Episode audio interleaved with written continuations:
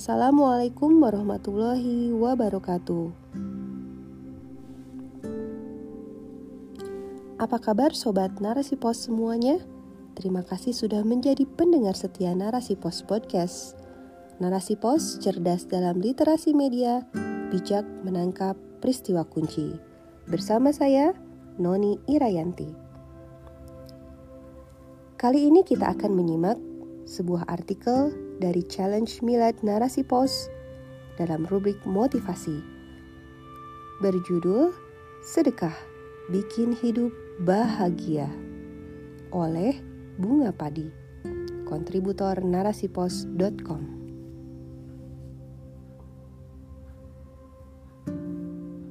Kota Madinah cerah malam itu. Bulan bersinar begitu indahnya Bulan terlihat seakan dekat sekali. Bak bulan bergantung. Padahal bermil-mil jauhnya dari ruang angkasa ke bumi. Malam itu, pelataran Masjid Nabawi sangat ramai. Meskipun jarak hotel tempatku menginap cukup dekat, hanya beberapa puluh meter. Rasanya sayang melewatkan waktu di kamar. Aku lebih memilih tetap berada di masjid atau pelatarannya selama berada di Madinah. Dari riwayat hadis Bukhari, Rasulullah SAW bersabda yang berbunyi, Tidaklah pelana itu diikat, yaitu tak diperbolehkan menyengaja melakukan perjalanan dalam rangka ibadah, kecuali ketiga masjid, yakni Masjidil Haram, Masjid Nabawi, dan Masjid Al-Aqsa. Pada sabda Rasulullah SAW lainnya yang telah diriwayatkan oleh Muslim, nomor 1394 menjelaskan, bila sholat di Masjid Nabawi lebih baik dari seribu sholat di masjid lainnya selain Masjidil Haram. Mengingat banyak keutamaan saat berada di Masjid Nabawi, oleh karenanya aku tidak mau menyia-nyiakan kesempatan langka ini untuk bertafakur, memuhasabahi diri, memohon ampunan atas segala dosa, dan melaksanakan amalan-amalan lainnya. Di samping menikmati suasana malam yang indah, berkumpul dengan saudara-saudara seakidah dari berbagai negara, tentu ada kebahagiaan tersendiri. Walau bahasa dan budaya berbeda, tidak menjadi penghalang. Keterbatasan bahasa tak merintangi kami untuk berkomunikasi dan menjalin persahabatan dengan hangat. Alhamdulillah, kami bisa saling mengerti, walau hanya menggunakan bahasa isyarat, tersenyum, tertawa, atau sekedar mengucapkan syukron. Biasanya, masing-masing dari kami lebih banyak menyibukkan diri dengan menyemai amalan-amalan soleh seperti tilawah, berzikir, atau rebahan sejenak. Entah mengapa, ada perasaan bahagia dan nyaman yang tidak biasa, sehingga membuatku betah berlama-lama berada di tempat itu. Saking senangnya berada di masjid, aku jarang kembali ke kamar hotel atau sekedar mengambil jatah makan malam di kantin. Malam itu, seperti biasa, aku enggan kembali ke kamar hotel. Meski jarak cukup dekat, aku memutuskan tetap berada di pelataran masjid, mencari tempat yang sudah tergelar karpetnya dan duduk di bawah tiang payung raksasa. Allah ya Karim, setiap kali itu pula selalu datang orang tak dikenal menyodorkan makanan padaku. Hingga perutku pun selalu terisi Masya Allah, Tabarakallah. Berbagai jenis makanan diberikan padaku. Ada kurma, buah-buahan, roti, dan lain-lainnya. Begitu pula bila siang hari aku berjalan dekat Masjid Ali bin Abi Thalib, ada pedagang menyuruhku untuk mencicipi kurma-kurmanya. Tidak hanya memakannya di tempat, Masya Allah, pedagang itu memberiku gratis kurma segar dengan sangat banyak. Melihat pemandangan tersebut membuatku terkesima dan berpikir, Sungguh luar biasa iman seorang mukmin. Di tengah kesibukan, mereka menawarkan dagangannya kepada para peziarah. Mereka tak pernah takut merugi atau kehilangan rezekinya, Bahkan pedagang itu terlihat bahagia saat memberikan kurma-kurma tersebut. Sebagaimana Allah Subhanahu wa taala telah mengabarkan dalam surat Saba ayat 36 yang bermakna Sesungguhnya Allah melapangkan dan menyempitkan rezeki kepada siapa yang Dia kehendaki. Namun manusia tidak mengetahuinya. Aku jadi teringat masa kecil Kala itu, kakek Kadir datang ke rumah dan memerintahkan kepada kami, cucu-cucunya mengumpulkan baju bekas yang masih layak pakai, yang hendak disumbangkan ke kampung Butun.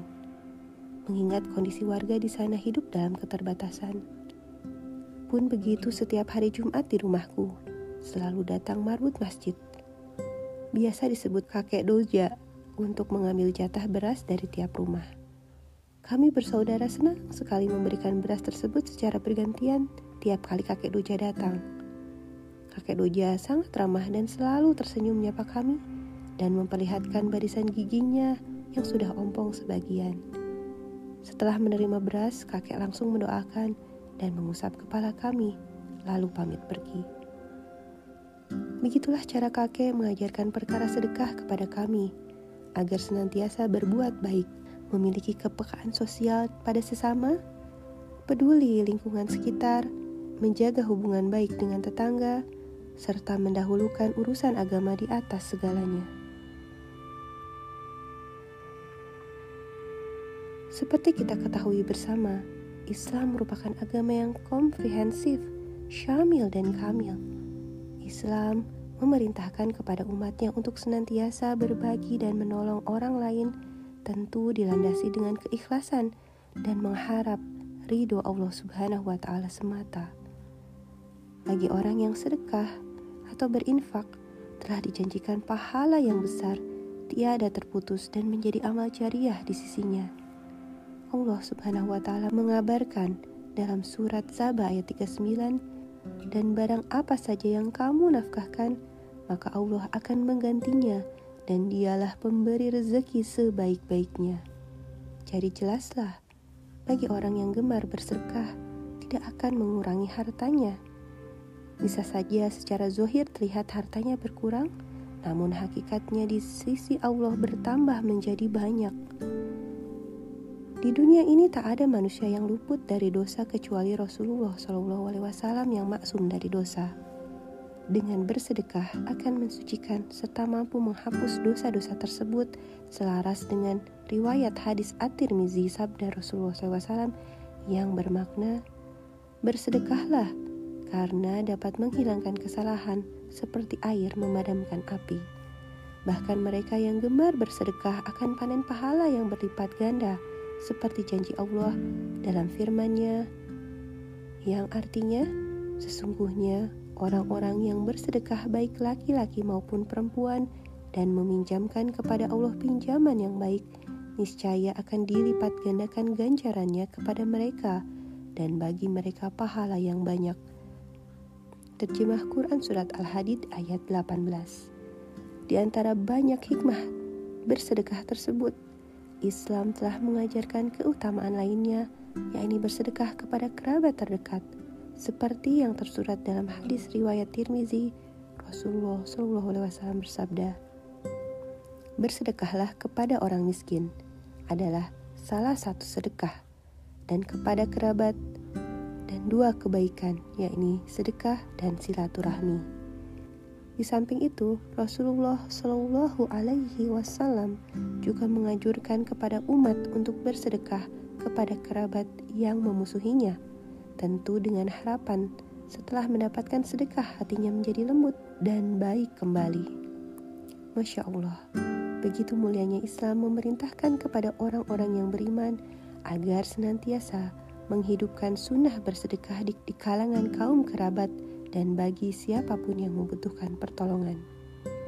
Beberapa hal yang perlu diperhatikan ketika bersedekah meluruskan niat semata-mata mengharap ridho Allah Subhanahu wa taala dan hati yang tulus ikhlas, tidak mengungkit-ungkit pemberian kepada orang lain sebagaimana Allah telah mengingatkannya dalam Quran Surat Al-Baqarah ayat 264 yang artinya, Wahai orang-orang yang beriman, janganlah kalian menghapus pahala sedekah kalian dengan mengungkit-ungkit pemberian dan menyakiti si penerima. Semoga Allah senantiasa memberikan kemampuan kepada kita untuk bersedekah baik dalam keadaan lapang maupun sempit, berbalut keikhlasan tanpa batas. Wallahu a'lam bishawab. Wassalamualaikum warahmatullahi wabarakatuh.